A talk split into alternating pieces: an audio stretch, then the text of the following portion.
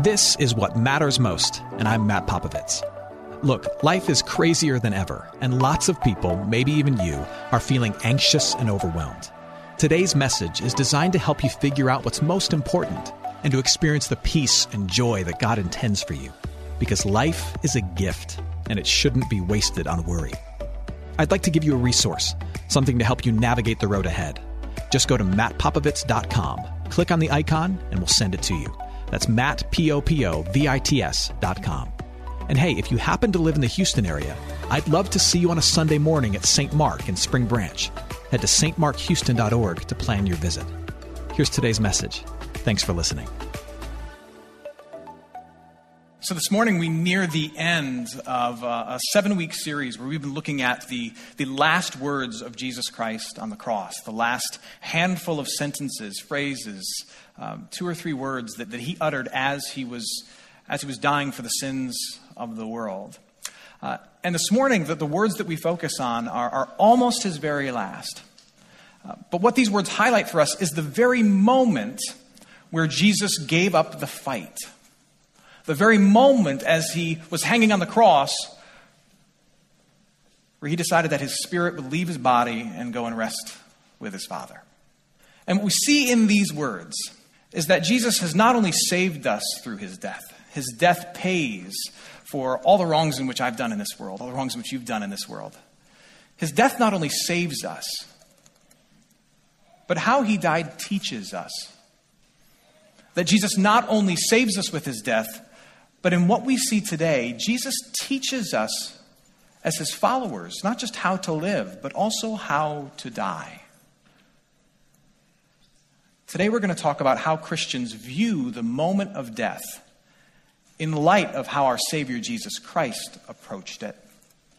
Turn with me to the, uh, the Gospel of Luke, chapter 23. We'll start there. Gospel of Luke, chapter 23. Uh, there's a handful of things as, as Jesus is in the moment of passing away that we can learn from him. And I just want to give an overview of those this morning.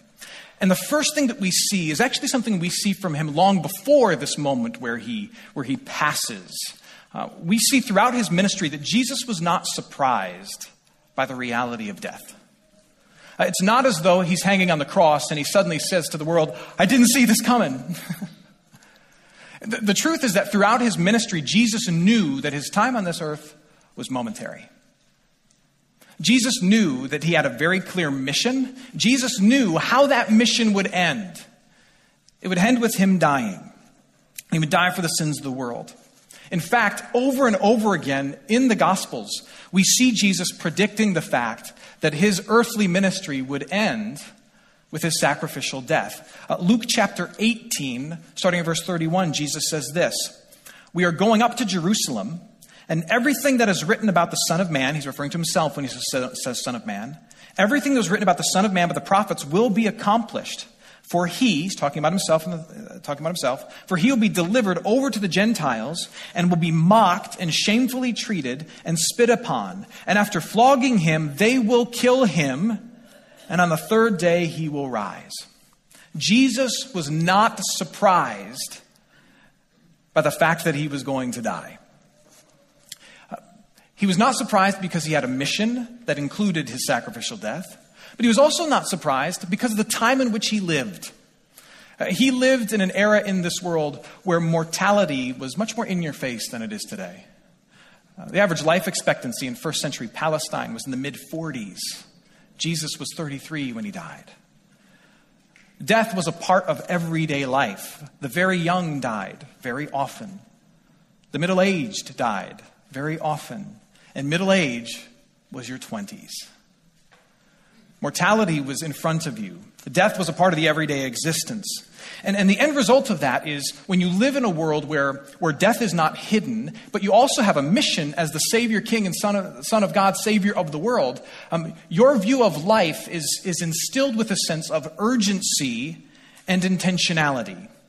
If you know that life is short and that you have a mission, you live that short life with a sense of urgency, time is short, and intentionality. I need to do what I was brought here to do.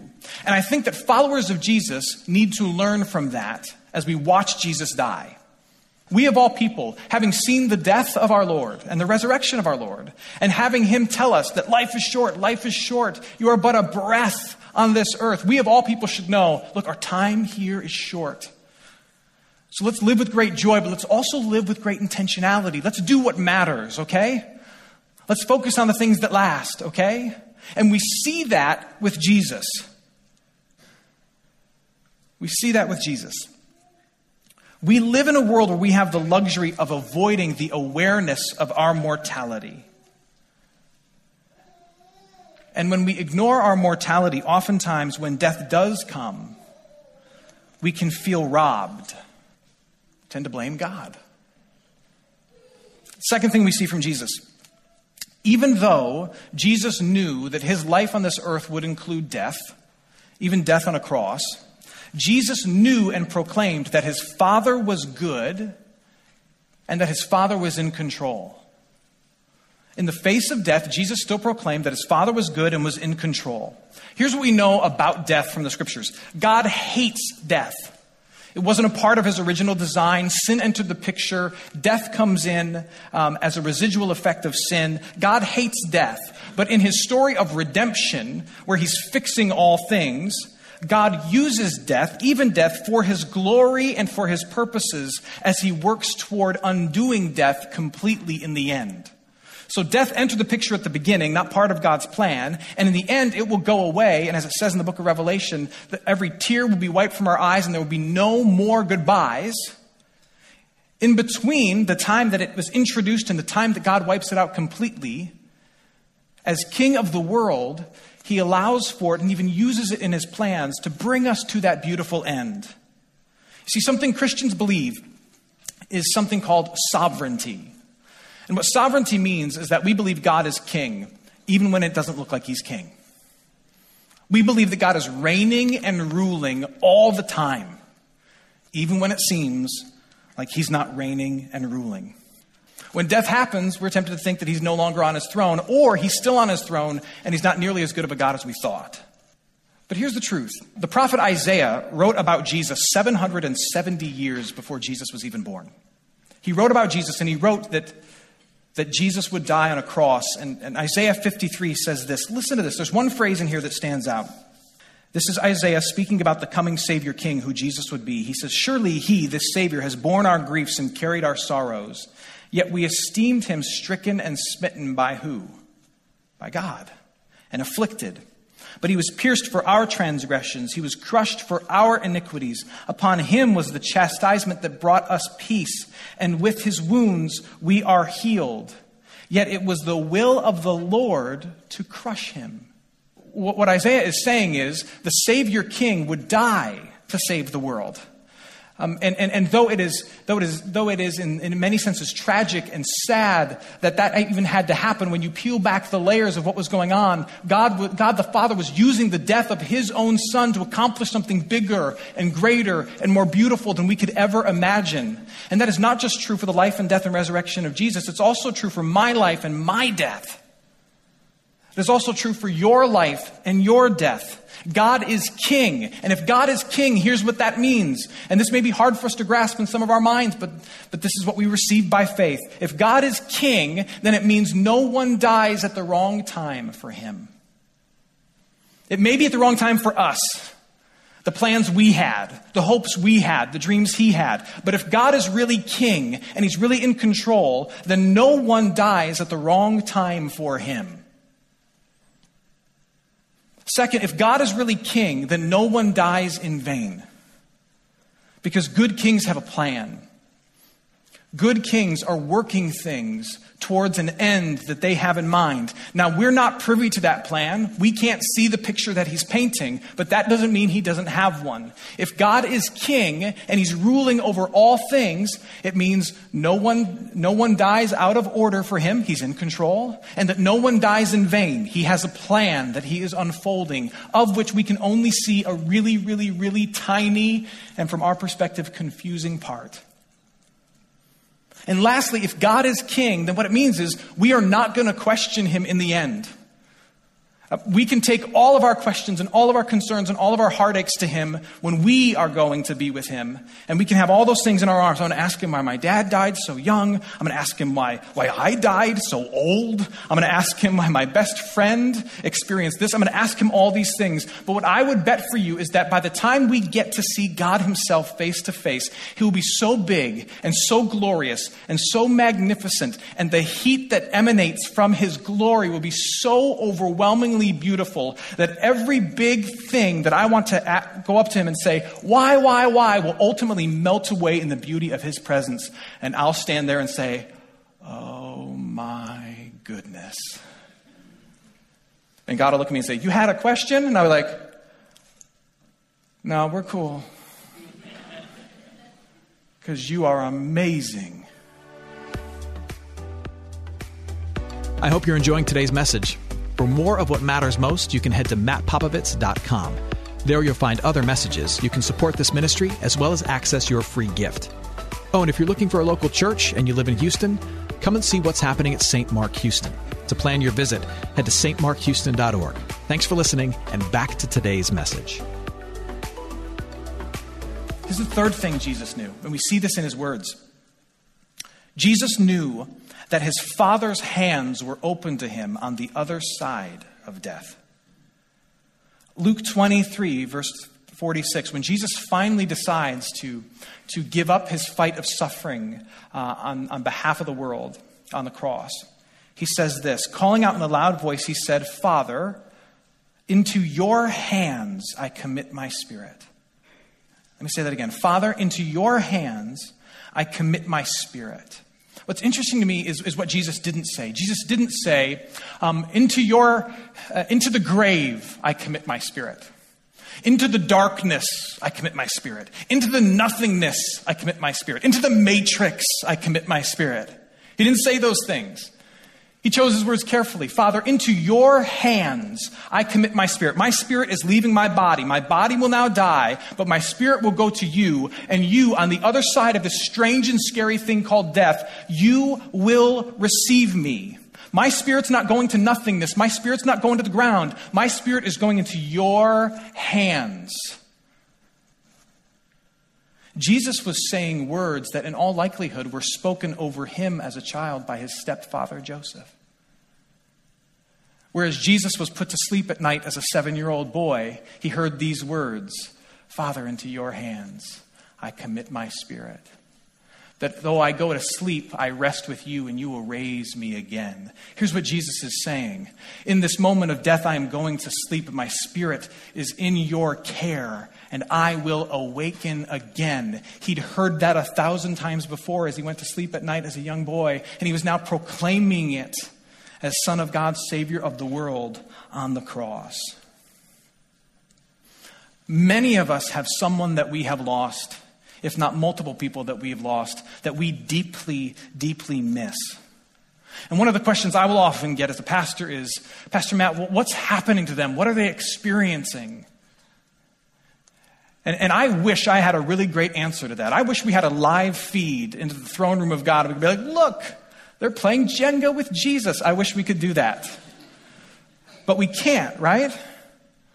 But, but, but it's not as if we have no comfort. Here's what we know what we know is that those who are connected to Christ, who himself died and rose, that those who are connected to Christ through belief and baptism, have experienced this tangible thing. Those who are connected to Christ, what it means is that what happened to him happens to us. Jesus died, and his spirit rested with the Father, and later his body rose, and they were reconnected. For those of us who are connected to Jesus, the same will happen to us. When we die, our body will go to the ground, our spirit will rest with the Father. And we don't know much about what that looks like, but I imagine it's good. Rest is good. I love rest.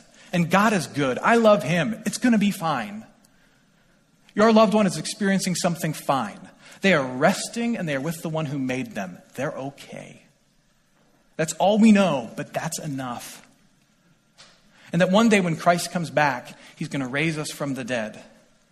And we will live as we were meant to live, not just as spirits in the arms of God, but as spirits reconnected with bodies that never die in a brand new world that Jesus initiates. That's the full hope and the full promise.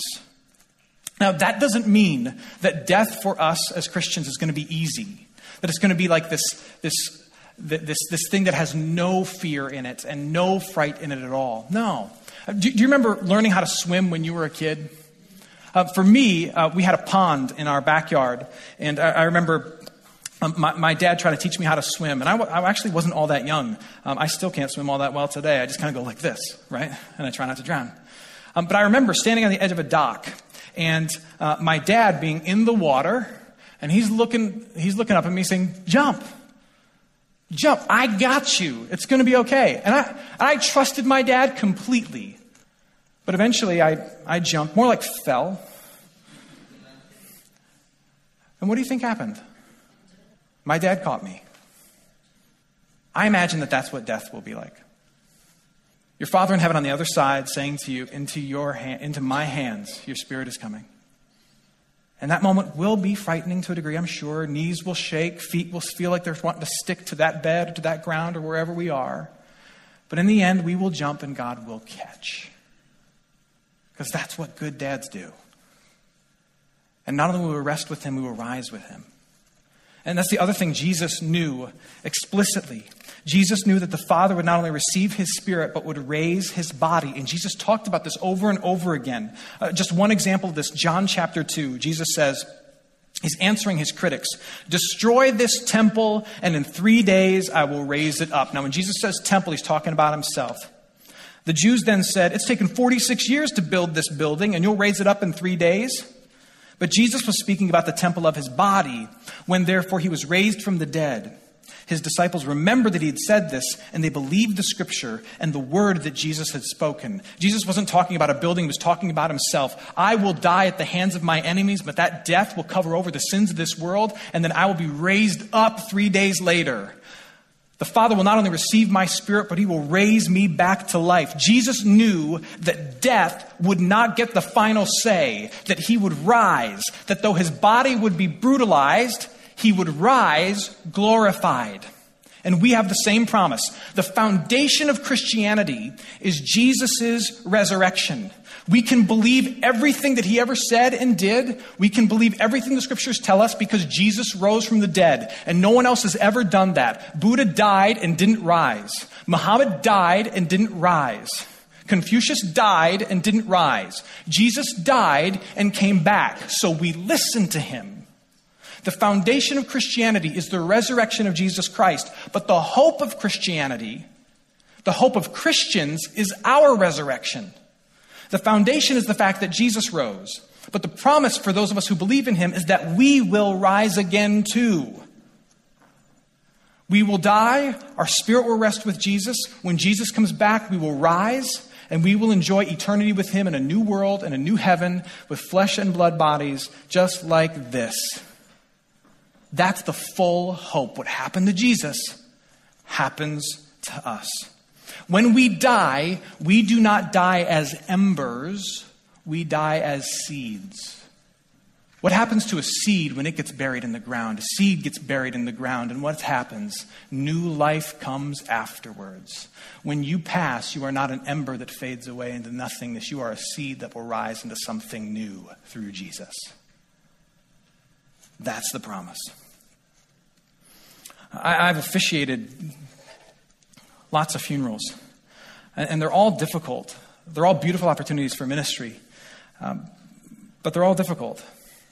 Um, the most difficult funeral I've ever officiated uh, was for a, a, a, double funeral for two young people who had died together um, of carbon monoxide poisoning.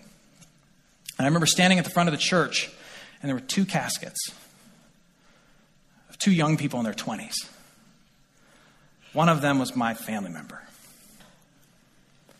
I remember standing there saying to myself, there is nothing I can say that will make any of this make sense. There was nothing I can say that will make this better for any of us in this room. So all I could say was the one true thing that Jesus guarantees for us that this will not be the end. That it is horrible now, but through the promises of Jesus Christ, what has died will rise. Because he died and he rose. And though we mourn and grieve now, we will have joy that is full and complete on that day. That's it. But that is enough. The reason I bring this up, you may be saying, Matt, wow, that's great, but that's really depressing. Um, I think this is important for us because how we view death shapes how we live our lives. How you view your death and your dying shapes how you live your life. For example, if you don't ever think about it, there is a good chance that you will live your life in such a way that you will have regret at the end. I should have known an end was coming. Because I would have done so much differently. How we view our dying shapes how we do our living. Uh, for example, Jesus knew that there would be an end. And so he lived with urgency and intention and joy and so should we. Jesus knew that his Father was king over death. And so, even though he mourned it when it happened to, say, his friend Lazarus, and he was worried about it when it happened to him, he did not fear it because he knew his Father was in control of it. And that's how we should see it as well. Jesus knew that the Father's hands would receive him and raise him. And so that gave incredible boldness to him. He was able to look at his enemies and say, You may kill me for doing what's right, but my Father will raise me. And it should give boldness to us as well. Uh, let me close with this. Uh, my, my grandmother on my mom's side used to tell me stories when, when we were little about how um, her family had a summer home uh, that was located above a funeral parlor, as she called it. And uh, how she and, and her friends, uh, when they were really little, um, uh, they would go to the summer home, and at times, of course, there would be funerals happening. And they were given explicit instructions. When a funeral is going on underneath, uh, so they lived in the upstairs apartment, when a funeral is going on downstairs, you are to be quiet, you are to be still, and you are to be incredibly respectful and she told stories about them sitting quietly and playing games, watching people come in and feeling bad for them or even helping out in times. But when there wasn't a funeral going on, that they could play. And they could run around and they could be happy. And she tells stories. It was so weird to me as a kid. Would, she would tell stories about them playing hide and seek at the funeral home and them hiding in the caskets. How strange is that, right? As a little kid, you're like, oh, no. But it's interesting, she grew up in that environment, so it didn't faze her. And for me, that has always been a profound picture, perhaps, of how a Christian should view the reality of death in our life. We should respect the fact that it is here. We should mourn it when it happens. We should grieve it when it takes place. We should help the hurting who are around us. We should respect it when it is going on. But also, we of all people should be able to live and work and move and have fun among it because our Father in heaven has defeated it. And Christ has overcome it. And so, if we can't live and move and have joy in the midst of it, then who can? Father, into your hands I commit my spirit. Jesus knew the end was coming, and so do we. But he knew his Father was good, and so he did not fear it, and neither do we. And he knew that his Father would receive his spirit and raise his body. And that gives us not just peace, but boldness. Because what happens to Jesus happens to us. Amen. Hey, it's Matt. I hope you enjoyed what matters most. Here's what I need you to know life is a gift, and it shouldn't be wasted on worry. I want to help you figure out what's most important and to experience the peace and joy that God intends for you. So for more content, you can head to mattpopovits.com. That's Matt, P O P O V I T S.com. There you can also support this ministry, as well as access your free resource, a little something to help you navigate the road ahead. I'd also love to see you on a Sunday morning. If you're in the Houston area, head to stmarkhouston.org to plan your visit. In the meantime, hit me up on Instagram at mpopovits or at facebook.com slash Matt Popovits Ministries. Thanks for listening. Now go and hold tight to what matters most.